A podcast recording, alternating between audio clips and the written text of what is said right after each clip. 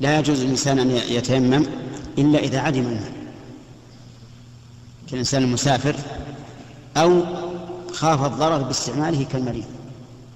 وأما إذا كان الماء عنه قريبا يعني في البلد لكنه في مسجد ليس فيه ماء فإنه يذهب إلى الماء ويتوضأ ثم يصلي.